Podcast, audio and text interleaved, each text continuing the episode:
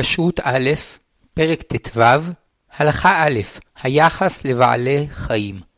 מצווה להתייחס אל בעלי החיים ברחמנות ובהגינות, ואסור לצערם, ויחד עם זאת, מותר לאדם להשתמש בבעלי חיים לצורך עבודתו, וכפי שהיו רגילים להעמיס מסעות על חמורים ופרדות, לחרוש בעזרת שברים וחמורים, לרכוב על סוסים, גמלים וחמורים, ואף לאכול מבשרם של בעלי חיים.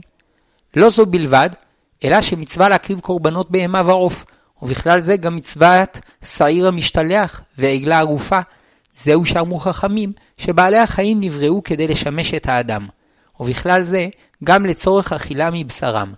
אפשר לומר שכשם שלבעלי החיים מותר לאכול מן הצומח, כך האדם רשאי לאכול מן החי. הרי שיש לאזן בין שני הערכים.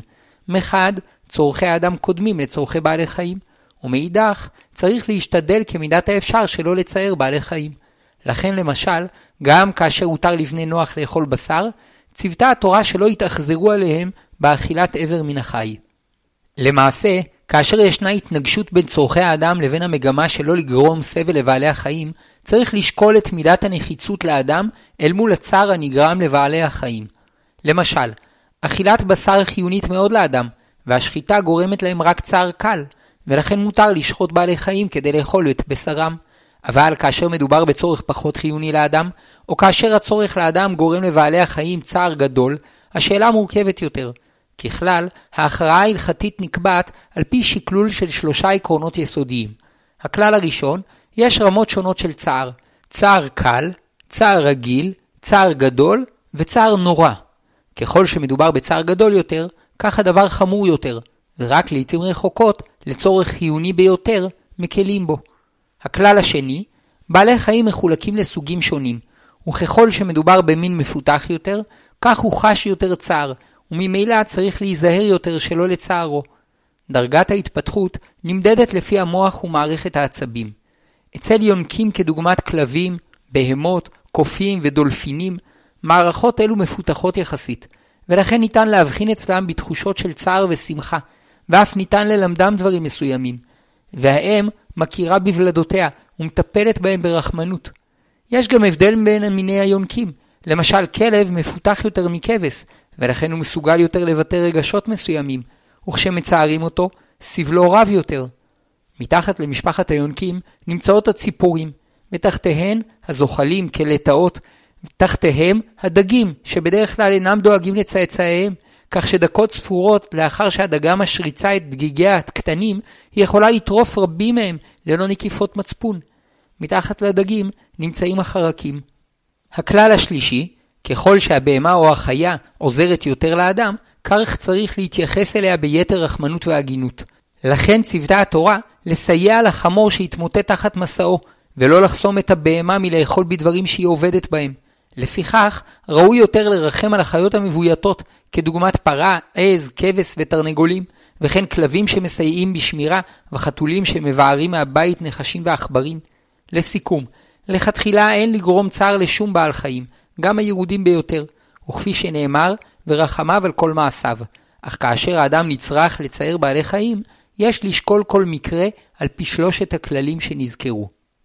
כשרות א', פרק ט"ו, הלכה ב' פריקת החמור, צער בעלי חיים דאורייתא. מצווה מן התורה לרחם על בעלי חיים ולא לצערם, ולכן מצווה על הרועה חמור שהתמוטט תחת כובד מסעו, לסייע בפריקת מסעו, כדי שיוכל לקום, שנאמר, כי תראה חמור שונאך רובץ תחת מסעו, וחדלת מעזוב, מעזור, לא, עזוב תעזוב, עזור תעזור, עמו. כלומר, אם תראה חמור של שונאך רובץ תחת מסעו, ותרצה שלא לעזור לו, תתחזק במצווה ותעזור לו. שתי סיבות לכך. האחת, שאין להימנע מלהגיש עזרה לאדם שנמצא עמנו בסכסוך. השנייה, למנוע צער מן החמור שקרע תחת מסעו הכבד. כיוון שפריקת החמור כוללת גם את מצוות צער בעלי חיים, כאשר אדם מבקש עזרה בפריקת חמורו, יש לעזור לו בחינם כדי להציל את חמורו מצער. אבל כאשר הוא מבקש עזרה בהטענת חמורו, אין חובה לעזור לו ללא תשלום, כשם שבכל המלאכות אין חובה לעזור לו בחינם. כאשר אדם נצרך להפסיק ממלאכתו כדי לסייע בפריקת חמור, מותר לו לדרוש תשלום כנגד ההפסד שיש לו מהפסקת עבודתו. ויש אומרים שהואיל ומדובר בצער בעלי חיים, גם אם לא יקבל פיצוי, חובה עליו להפסיק ממלאכתו כדי להציל את החמור מצערו. כיוון שאחת מכוונות המצווה למנוע צער מהחמור, מצוות פריקה קודמת למצוות טעינה. כלומר, כאשר שני חברים עם חמורים נצרכים לעזרה, אחד בהטענת המסע ואחד בפריקת המסע שמוטט את החמור, יש להקדים ולעזור בפריקת המסע כדי להקל מצערו של החמור. אמנם, אם החמור הנצרך טעינה הוא של אדם שנמצא איתו בסכסוך שהגיע לשנאה, יש להקדים לעזור להטענת החמור של השונא, כדי לחוף בכך את היצר הרע שהביאם לשנאה, שאולי מתוך כך יזכו לחזור לאהוב זה את זה. אם זה שראה את החמור רובץ תחת מסעו אדם נכבד, שאינו רגיל לפרוק חמורים ברחוב, אינו חייב לסייע בפריקת החמור, מפני שכבודו חשוב יותר, ואין מצווה שיבייש את עצמו כדי למנוע צער מהחמור. ואף על פי כן, אם ימחל על כבודו ויסייע לחמור, יש בידו מצווה. אמנם לתלמיד חכם בעל מעמד ציבורי, אסור לעזור בפריקת החמור, מפני שכבודו הוא כבוד התורה, ואסור לו לנהוג באופן שיפגע בכבוד התורה. ואם ירצה לעזור, יזכור אדם אחר שיעזור לחמור. ויש אומרים שמותר לתלמיד חכם שנוהג במנהגי חסידות ואינו חש לכבודו, לסייע בפריקת החמור. כתב בספר חסידים שהמצערים את חמורם בהעמסת מסעות יותר מכפי כוחם, ואחר כך כשאינם יכולים ללכת מכים אותם, וכן הרוכבים על סוסי ומכאיבים להם במגפיהם יותר מדי, עתידים לתת על כך את הדין. אבל להכות את הבהמה מעט כדי שתלך, מותר, שכן כך מדרבנים אותה לעבודתה. וכן מצאנו שהקדוש ברוך הוא הקפיד על בלעם שהיכה את אתונו בחינם, שנאמר, על מה הכית את אתונך? שהואיל ובלעם ידע את אתונו שהיא תמיד שומעת בקולו, לא היה צריך להכותה לאחר שרבצה, כי היה צריך להבין שכנראה יש דבר שחוסם אותה מלהמשיך ללכת. וכיוון שנהג באכזריות ואיים עליה, לו יש חרב בידי כי עתה הרגתיך, נענש במידה כנגד מידה, ונהרג בחרב. כשרות א', פרק ט"ו, הלכה ג' לא תחסום, היחס לבהמות עבודה. מצווה מן התורה שלא למנוע מן הבהמה לאכול מן הדבר שהיא עובדת בו, שנאמר, לא תחסום שור בדישו. כדי להפריד את גרגירי התבואה מהשיבולים ומהמוץ, היו מוליכים שור, שהוא בהמה כבדה, על השיבולים הלוך וחזור. פעולה זו נקראת דישה, כלומר, דריסה והכבדה כדי לחלץ את גרגירי התבואה מהשיבולים ומהמוץ. וציוותה התורה שלא לחסום את פי השור בעת שהוא דש, מפני שריח התבואה עולה באפו והוא משתוקק לאוכלו, וכשהוא מנסה לאכול הוא נתקל במחסום, ועיניו כלות מצער. ואין ראוי שהשור יעבוד למעננו, ולא נשתף אותו ברווחה שצומחת מעבודתו. ואף שכתבה התורה השור, אין הכוונה למעט שאר מיני חיות, אלא לתת דוגמה לבהמה שעובדת עבורנו בדברי מאכל. לפיכך, יש לאפשר לכל הבהמות והחיות שעובדות בגידולי קרקע, בין מחוברים ובין תלושים, לאכול מהם. ובכלל זה, אסור למנוע מן החמור לאכול מהתבואה שהוא נושא על גבו. אמנם אם המאכל שהוא עובד בו עלול לגרום לו לקלקול מעין וסבל, מותר למנוע ממנו לאכלו, כי חסימתו לטובתו, כדי שלא יצטער. אם בעל השור חס על החיטים, מותר לו לקשור לראשו של השור סל, ובו שיבולי חיטים מסוג זול, כדי שיאכל מהם בעוד שהוא דש, שכן האיסור הוא לצערו, ובאופן זה אינו מצטער. דין נוסף שנוגע לצער בעלי חיים הוא ההיתר לחלוב בשבת פרות שופעות חלב. ואף שחליבה אסורה מהתורה משום מלאכת דש, כיוון שאם לא יחלבו אותן יצטערו מאוד, התירו חכמים לעבור על איסור מדבריהם כדי להקל מצערן. הדרך הפשוטה היא לבקש מגוי לחלוב את החלב, ואם אין שם גוי שמוכן לעשות זאת, מותר ליהודי לחלוב את החלב לאיבוד, שבאופן זה אין בחליבה איסור תורה. כשרות א', פרק ט"ו, הלכה ד', הזנת החיות. אדם שיש לו בהמות או חיות, חייב לדאוג למזונן, ואסור לו לאכול לפני שייתן להן את מזונן. ולמדו זאת חכמים ממה שנאמר, ונתתי עשב בשדך לבהמתך, ורק אחר כך, ואכלת ושבעת. הטעם לאיסור פשוט, כיוון שבעלי חיים מבויתים אינם יכולים לדאוג למזונם, אם בעליהם ישכחו לתת להם אוכל, יצטערו. בנוסף לכך, הואיל ובהמות אלו עובדות למען האדם, או מניבות חלב למענו, מן הראוי שישיב להן כגמולן וידאג למזונן. לפיכך, בעליהן צריכים לספק את מזונן בזמנים קבועים, וכדי שלא יבואו לידי שכחה, נקבע שיקדים אדם את מזונן למזונו.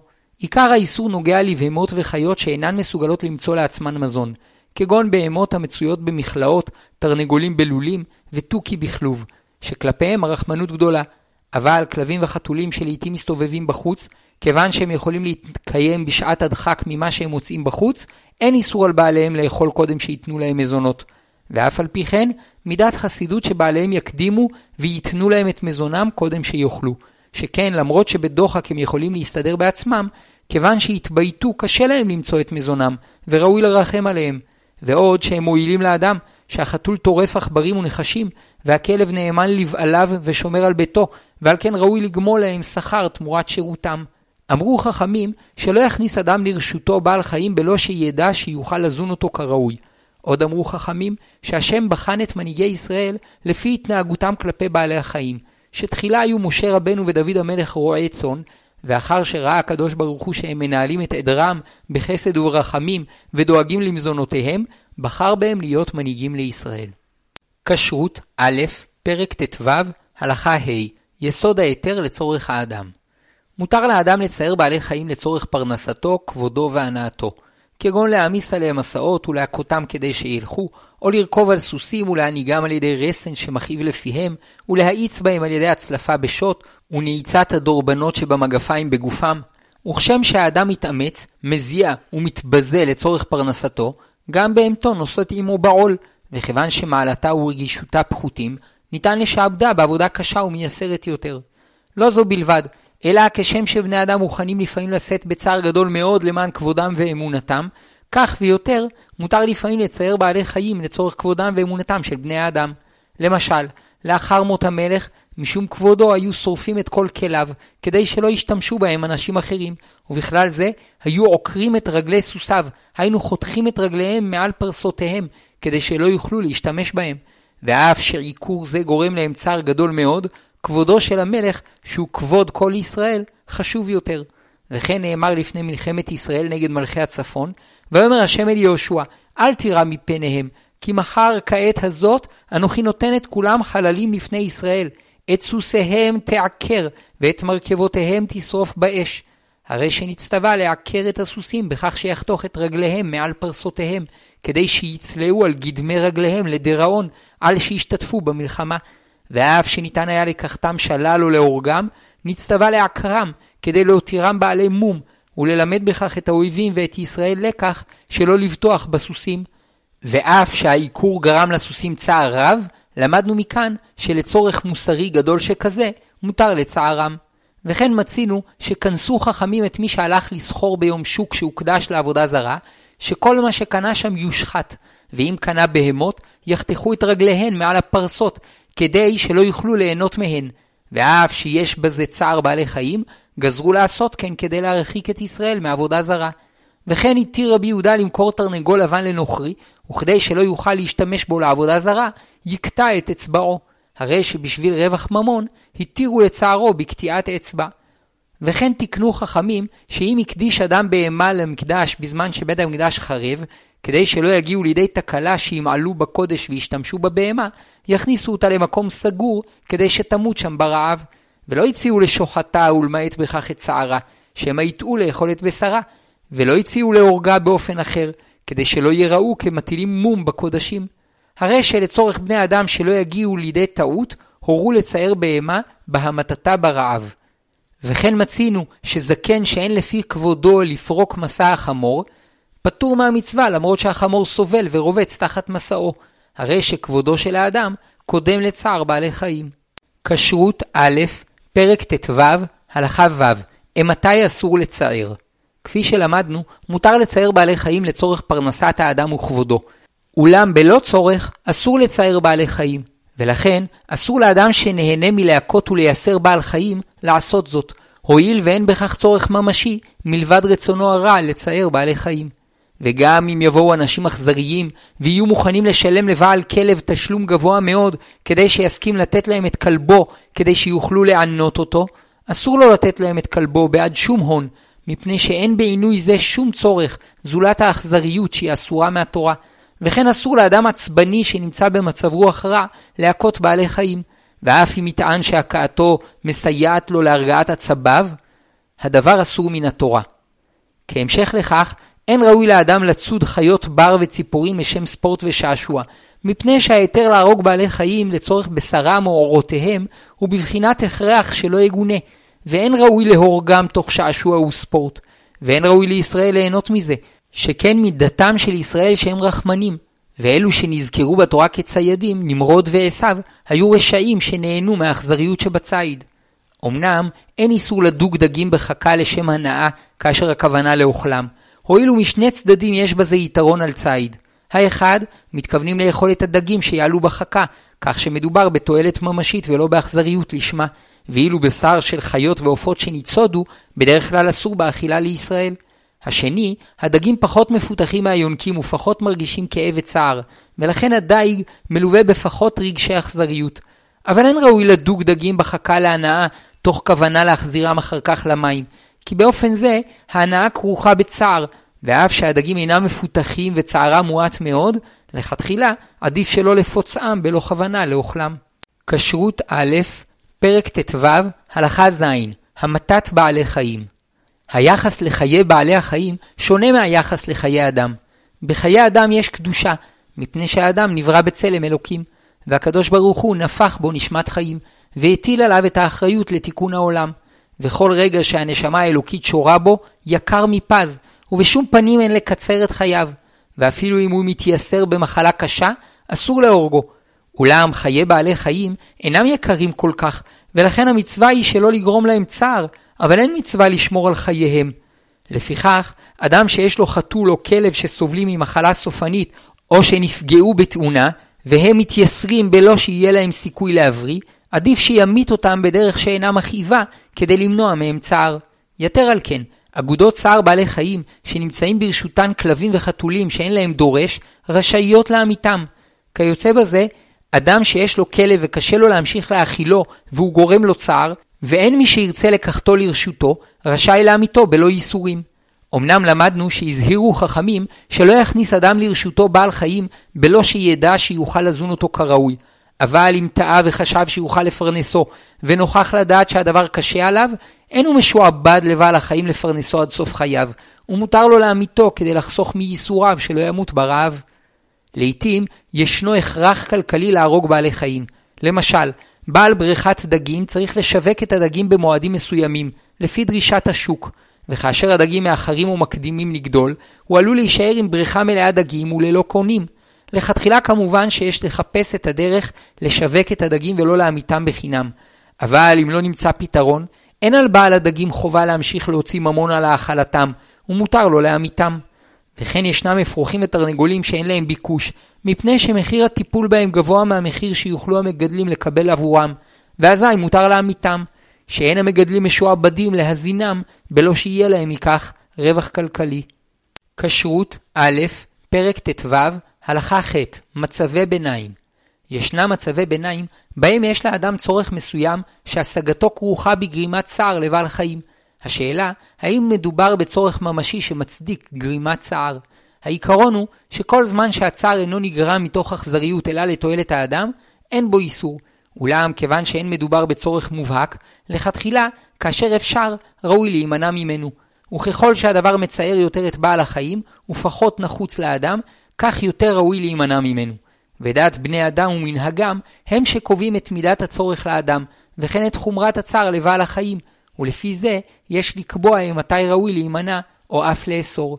למשל, מעיקר הדין מותר לתלוש מאווזים חיים נוצות כדי לעשות מהם קולמוס, אולם כיוון שתלישת הנוצות גורמת להם צער רב, וניתן לקחת נוצות מאווזים שחוטים, נכון להימנע מכך.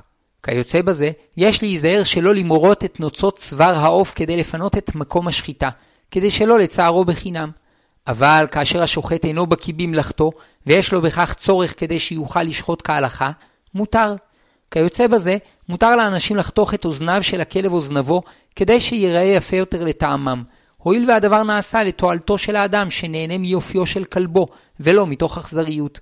ואף על פי כן, מצד מידת הרחמנות, עדיף שלא לצערם. כיוצא בזה לגבי תוכי, מצד הדין, מותר לחתוך מעט את לשונו, כדי שיוכל להוציא מילים מפיו, שכן הדבר גורם עונג לבעליו, אלא שלכתחילה עדיף לרחם עליו ולהימנע מכך. אמנם נראה שאם בעקבות ההימנעות מהפעולה שמציירת את הכלב או התוכי, בעל הכלב או התוכי לא ירצה לגדלו, הרי שמבחינתו מדובר בצורך ממשי, ולכן מלכתחילה מותר לו לבצע בו את הפעולה המכאיבה, וכשם שהאדם עצמו מוכן לשלם כסף ולסבול ניתוחים כדי לייפות את עצמו. מותר לכתחילה לאלף בעלי חיים באילוף הכרוך במכות קלות, וגם כאשר האילוף כרוך במכות קשות הוא מותר, אלא שמידת חסידות להימנע מכך, ואם בלא זאת לא יהיה שימוש בחיה ומן הסתם טומאת, מותר לכתחילה. מעיקר הדין, מותר לצוד בעלי חיים לצורך עשיית מעילים וארנקים מאורותיהם, אולם מצד מידת חסידות, נכון להחמיר. ואומנם בעבר רבים לא החמירו בזה, מפני שהאדם נאלץ להשתמש באורות בעלי חיים לצורך חימום גופו במעילים ובשמיכות. אבל כיום, שאנו יודעים להפיק מעילים ושמיכות מחומרים סינתטיים, מידת חסידות שלא לצוד בעלי חיים אך ורק כדי להשתמש באורותיהם. כשרות א', פרק ט"ו, הלכה ט', דרכי גידול בהמות ועופות למזון. הכלל הוא שכל מה שהאדם עושה לתועלתו ולא לשם אכזריות מותר, ולכן מותר לגדל בצפיפות רבה תרנגולים ועגלים לבשר כדי לחסוך בעלויות גידולם, וכן מותר לגדל בצפיפות רבה תרנגולות לביצים ופרות לחלב, וכשם שהאדם מצייר את עצמו בעבודה ומגורים במקומות צפופים כדי לחסוך בעלויות, על אחת כמה וכמה שמותר לו לצופף בעלי חיים כדי לחסוך בעלויות. אמנם, יש נוטים לומר שכאשר הדבר כרוך בצער גדול ונורא, אסור. מפני שההיתר לצייר בעלי חיים צער גדול מאוד, כגון לקטוע את רגלי הסוסים מעל פרסותיהם, הוא היתר נדיר לצורך מיוחד, לכבוד המלכות או לשם עקירת עבודה זרה, אולם עשו לצערם באופן קבוע ושיטתי צער גדול לשם פרנסה. ויש נוטים לומר שכלשהו לצורך פרנסה, גם צער גדול מאוד מותר לצערם. אמנם למעשה, השאלות בדרך כלל אינן על העיקרון, אלא הוויכוח הוא האם אכן מדובר בצער גדול מאוד, שכן מטבע הדברים, גידול בעלי חיים והאכלתם לשם בשר, חלב וביצים, אינו כרוך בצער גדול מאוד. הנה דוגמה לשאלה. באופן טבעי, התרנגולות מטילות ביצים מעת שיגיעו לגיל שישה חודשים ועד שיגיעו לגיל עשרים חודש, ואז הן נשחטות, וניתן להאריך את משך תקופת הטלת הביצים על ידי הרעבתן בחודש החמישה עשר למשך כעשרה ימים, ואז נוצותיהן נושרות, ואחר כך כשהן חוזרות לאכול, כוחותיהן חוזרים, ונוצותיהן גדלות מחדש, והן מסוגלות להטיל ביצים עד היותן בנות 28 חודשים. השאלה, האם מותר להרעיבן ולצערן לשם כך? יש אוסרים, מפני שרק בצער רגיל מותר לצער בעלי חיים לצורך פרנסה, אבל אין היתר לצערם צער גדול לצורך פרנסה, כי הוא כבר נחשב אכזריות אסורה. ולדעת רבים, שיטת גידול זו מותרת, הואיל והדבר נעשה לתועלת המשק, ולשם כך מגדלים את העופות. בנוסף לכך, לטווח ארוך, ההרעבה מוסיפה להן בריאות, עובדה שהן מאריכות ימים, ואף בני האדם היו מוכנים לרעוב עשרה ימים כדי להאריך את חייהם. וכן כתב הרב גולדברג, רבה של כפר פינס. למעשה נראה להקל, הן מצד הסברה, והן מצד שבעניינים אלו יש יתרון לרבני המושבים, שהם בבחינת מרא דאתרא, שהם מכירים מקרוב את דרכי גידול הבהמות והעופות, ויודעים לשקלל את התועלת למגדלים מול צער בעלי חיים. ומנגד, מי שאינו מכיר את דרכי גידול העופות והעגלים, לעתים מזדעזע לראותם, והוא דומה במידה מסוימת לבן כרך שמגיע לכפר נידח, ורואה אנשים שחיים בבקתות ללא חשמל ומים, כדרך אבותיהם מדורי דורות, וסבור שכל חייהם רצופים צער וסבל, בלא שום נחת ושמחה. אמנם יש מקום לומר שיחד עם העלייה ברמת חייהם של בני האדם מבחינה מוסרית וכלכלית, גם המושג צער בעלי חיים יכול להשתנות. וכשם שבעבר דברים מסוימים לא נחשבו כמצערים בני אדם, וכיום הם נחשבים מצערים, כך במקביל, ייתכן שדברים שלא נתפסו בעבר כצער גדול ונורא לבעלי חיים, ייתפסו כצער גדול ונורא שעשו לצערם בו באופן שיטתי לצורך פרנסה. בעקבות זה, יתרבו האנשים שהתנזרו מאכילת בשר של בעלי חיים שגודלו באופן מצער לפי הבנתם. עמדה זו גם יכולה להשפיע בהדרגה על כלל הציבור, שנציגיו ישקללו את מכלול הערכים והלחצים הציבוריים ויקבעו חוקים. שמצד אחד יצמצמו את צערם של הבהמות והעופות שמגדלים עבור תעשיית המזון, ומאידך יתחשבו בכלל הציבור, ובמיוחד העניים, שלא לייקר עבורם את מחיר המזון יתר על המידה. במצב פחות טוב, בלחציהם של הפעילים למען זכויות בעלי החיים, יקבעו חוקים שאינם מתחשבים בעניים, ואינם משקללים את מכלול הערכים, ויהיה צורך לתקנם ולאזנם. כשרות א', פרק ט"ו, הלכה י' ניסויים מדעיים מותר ואף מצווה לערוך ניסויים מדעיים בבעלי חיים לצורך הבנת המחלות ומציאת תרופות לבני האדם. וגם כאשר הניסויים כרוכים בסבל רב, אין בכך איסור, הואיל והם נעשים לשם תועלת ולא לשם אכזריות. ואפילו מצד מידת חסידות אין להימנע מהם, הואיל ועל ידם ניתן למצוא מזור למחלותיהם של אנשים רבים, והחובה המוסרית העליונה היא לדאוג לחייהם ובריאותם של בני האדם. לא זו בלבד, אלא גם בני האדם מוכנים לייסר את עצמם ולסכן את נפשם כדי להציל את ילדיהם או חבריהם ולרפא אותם. וככל שהסכנה נוגעת לאנשים רבים, כך יותר אנשים מוכנים לעבור ייסורים קשים ולהיכנס לסכנות כדי להציל את חבריהם. על אחת כמה וכמה שמותר לאדם לצייר בעלי חיים שברשותו כדי למצוא תרופה למחלות של בני אדם. אלא שיש לבדוק כל ניסוי לגופו, האם הכרחי לבצעו, וכן כאשר ניתן לנסותו על בעלי חיים שונים, יש להעדיף לקיימו במין הירוד יותר, כגון ניסוי שניתן לערוך על קופים או עכברים, עדיף לערוך על עכברים, מפני שמערכת העצבים והמוח שלהם פחות מפותחים, והם חשים פחות כאב וצער. לעומתם, הקופים מפותחים עד שניכר עליהם כשהם שמחים ומאושרים, או עצובים וכואבים, ולכן צריך להיזהר יותר שלא לצערם. גם לאחר שהוחלט שיש צורך חיוני לערוך מחקר על בעלי חיים, יש להתאמץ למעט את סבלם. למשל, אם מדובר בניתוח, יש להשתדל לאורכו בהרדמה. ואם בעקבות המחקר נפגע גופם, יש להמיתם במיטה קלה כדי לחסוך מהם צער. מעיקר הדין, מותר לתלמידי תיכון לבצע ניסויים על חרקים, לבדוק באיזה חום הם מצליחים לשרוד ובאיזה חום מתים, באיזה קור שורדים ובאיזה מתים, ואף שכל הניסויים הללו כבר התבצעו, יש תועלת מסוימת בכך שהתלמידים יתרגלו לבצע ניסויים. בנוסף לכך, עיקר איסור צער בעלי חיים חל על בעלי חיים שמסייעים לאדם ויש להם תודעה מסוימת, ולא על חרקים שמערכת העצבים שלהם ירודה לאין שיעור.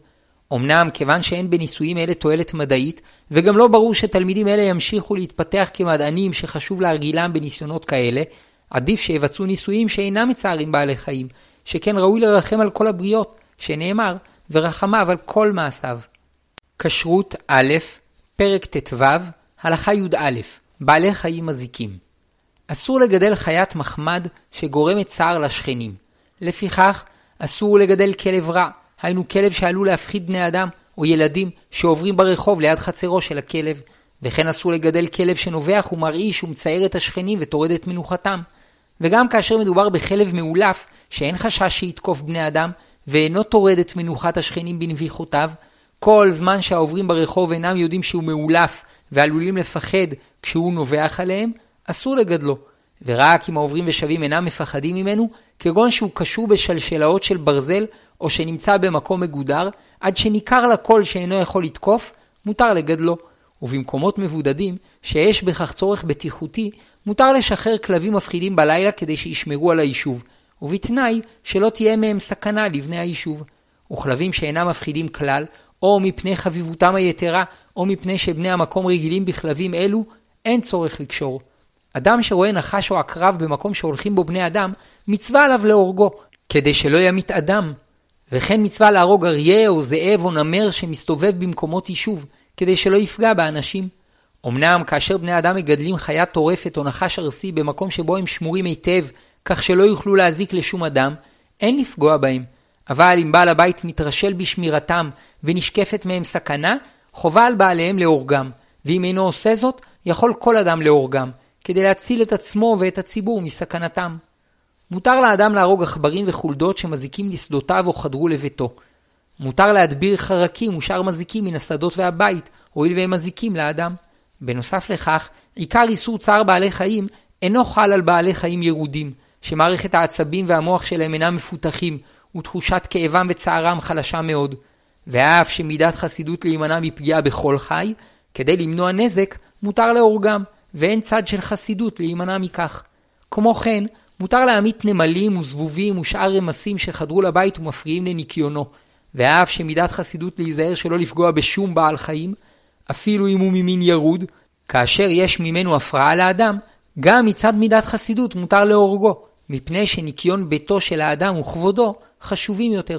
כשרות א', פרק ט"ו, הלכה י"ב, מופעי ראווה אכזריים.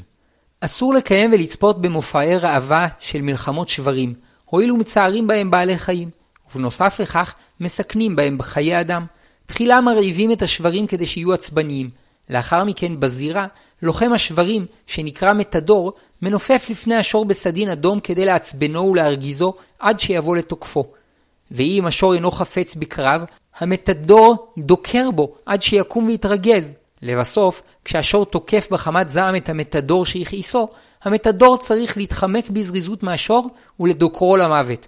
או אז ההמון מצטווח ומתגעש ומריע למתדור הגיבור.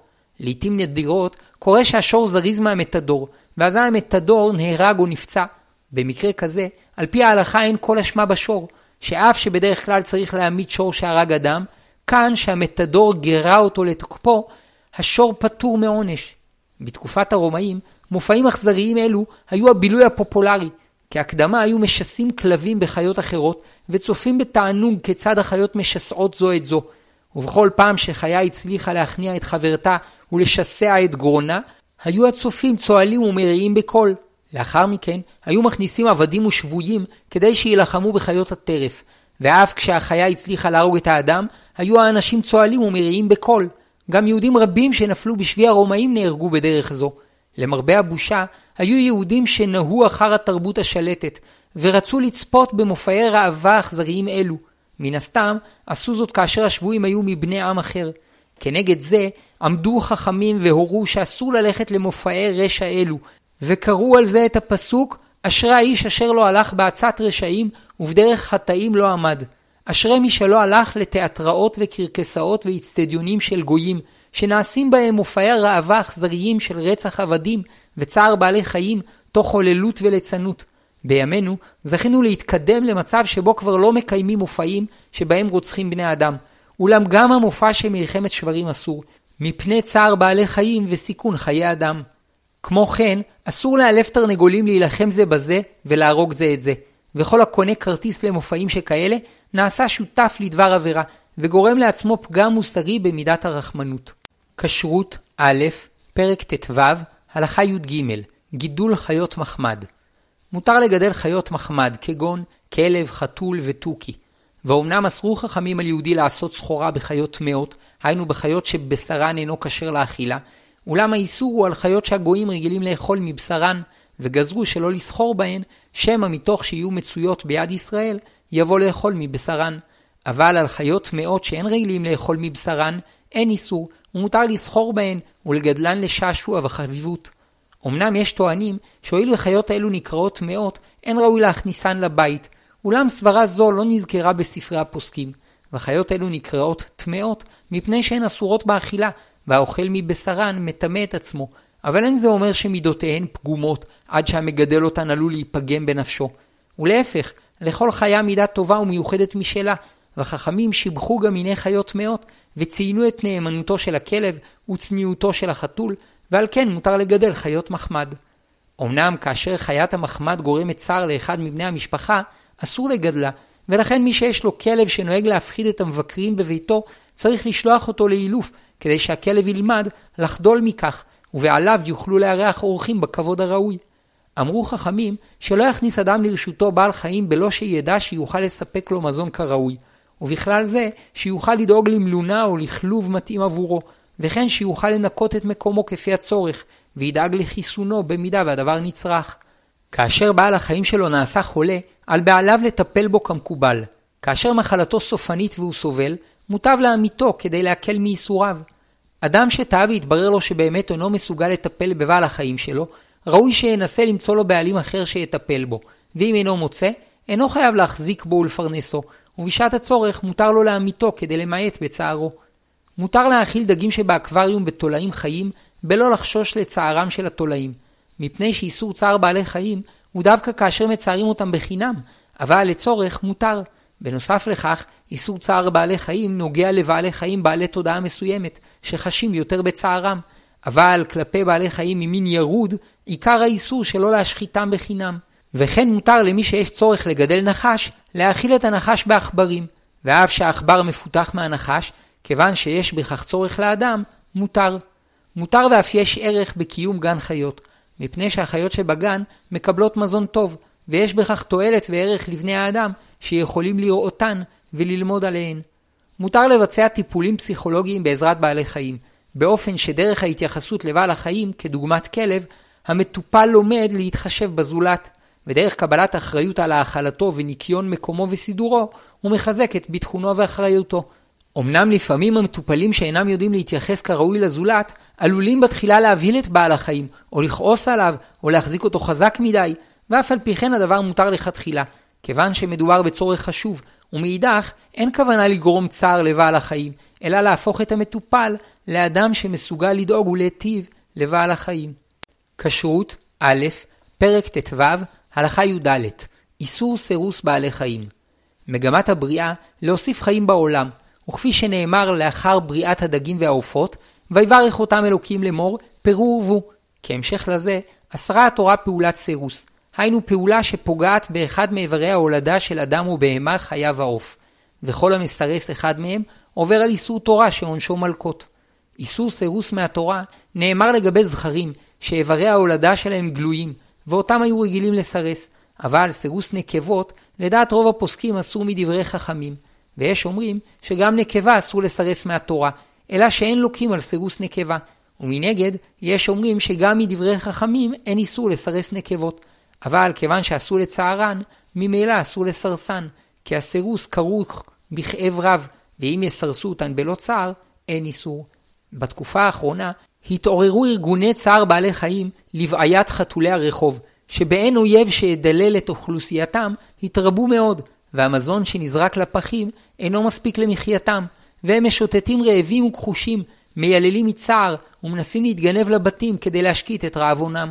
היו שהציעו לתפוס חתולים זכרים, לסרסם על ידי כריתת צינור הזרע שלהם, לסמנם על ידי חיתוך מקצת מאוזנם, כדי שלא יטעו ללוכדם בשנית, עד שיסרסו כ-80% מן הזכרים, וכיוון שרובם הגדול יהיו עקרים, לא יוכלו להפרות את הנקבות, ואוכלוסיית החתולים תצטמצם. אולם, כפי שלמדנו, הדבר אסור מהתורה, וכן אסור לזכור גויים שיסרסו את החתולים, מפני שכל דבר שאסור על ישראל באיסור תורה, אסרו חכמים על ישראל לבקש מגוי לעשותו. בנוסף לכך, יש סוברים שגם לבני נוח אסור לסרס בעלי חיים, ואזי מן התורה אסור לבקש מהם לסרס חתולים, שכן נצטווינו שלא להכשיל אדם בעבירה. וגם את הנקבות אסור לדעת רוב הפוסקים לסרס מדברי חכמים. לפיכך ניתן להציע שמעת לעת יפזרו ברחובות מזון טעים לחתולים, ובתוכו גלולות למניעת הריון, וגלולות אלו ימנעו את הביוץ והייחום של חתולות, ועל ידי כך אוכלוסיית החתולים תצטמצם ללא איסור סירוס. וזו העצה הנכונה גם למי שאינו רוצה שהכלבה שלו תתעבר, שייתן לה גלולות למניעת הריון. ואף שיש חשש שגלולות אלו עלולות לגרום למחלות, זה הפתרון הראוי לפי ההלכה. ואם יתאמצו, יוכלו לייצר גלולות למניעת הריון בבעלי חיים שאינן גורמות למחלות, כשם שהצליחו לייצר גלולות למניעת הריון בבני אדם שאינן גורמות למחלות. בשעת הדחק, כיוון שלדעת רבים איסור סירוס נקבה מדברי חכמים, אפשר שיהודי יעקר כלבה או חתולה על ידי זריקה או סתימת חצוצרות, מפני שזו דרך של גרמה, היינו פעולה שגורמת לסירוס בדרך עקיפה ולאחר זמן, או שווטרינר גוי יסרס אותה בניתוח. כשרות א', פרק ט"ו, הלכה ט"ו, היחס לחיות הפקר. כפי שלמדנו, אדם חייב לדאוג למזונם של בעלי החיים שברשותו, ואינו חייב לדאוג למזונן של חיות הפקר. ולכן הרואה חיות בר רעבות, אינו צריך לטרוח כדי לספק להם מזון, שכן מצוות צדקה נאמרה כלפי בני אדם, ולא כלפי בעלי חיים, ולכן אין חובה לשמר את שיירי המזון כדי לתנם לבעלי חיים. אבל המרחם על חיות הבר ונותן להם משיירי מזונו, מקיים בזה מצווה, שכן נאמר על הקדוש ברוך הוא, ורחמיו על כל מעשיו, פותח את ידיך ומשביע לכל חי רצון. ומצווה על האדם להידבק במידותיו של הקדוש ברוך הוא. וכיוון שיש בזה מצווה, אפילו בשבת שנועדה למנוחה, מותר לטרוח מעט כדי להניח שיירי מזון לחיות. וזאת בתנאי שמדובר בחיות רעבות, שמתקשות למצוא את מזונן, כדוגמת כלבים וחתולים. אבל עבור חיות שמסתדרות לבד, כדבורים למשל, אסור לטרוח בשבת. כמו כן, ראוי להשתדל שלא לגרום להכחדתו של מין ממיני החי או הצומח. בתקופה האחרונה, בעקבות ההתפתחות הטכנולוגית, אוכלוסיית בני האדם התרבתה מאוד, יערות רבים נחרטו, שדות בורעו, ומינים רבים נדחקו ממקום חיותם, והם נמצאים בסכנת הכחדה. כדי שלא יתבטל שום מין מהעולם, ראוי שנשתדל למעט את הפגיעה בבעלי החיים, שכן לכל מין שברא השם יש ערך ותפקיד מיוחד, וכפי שאמרו חכמים, כל מה שברא הקדוש ברוך הוא בעולמו, לא ברא דבר אחד לבטלה. ונתנו דוגמאות מבעלי חיים שונים שנראים כלא מועילים, אבל באמת יש בהם תועלות שונות כדוגמת הכנת תרופות. עוד אמרו חכמים שמכל מין עולה שבח מיוחד לקדוש ברוך הוא, וכפי שמובא בפרק שירה. ואם כן, כאשר מין מסוים נחסר מהעולם, כביכול מתמעטת שלמותו, ומתמעט קילוסו של הקדוש ברוך הוא. ועל כן ראוי לסייע לאגודות ששמו לעצמן מטרה לשמור על מיני החי שלא ייכחדו מן העולם. עם זאת, כאשר ישנה התנגשות בין צורכי האדם הממשיים לצורכי בעלי החיים וקיומם, צורכי האדם גוברים.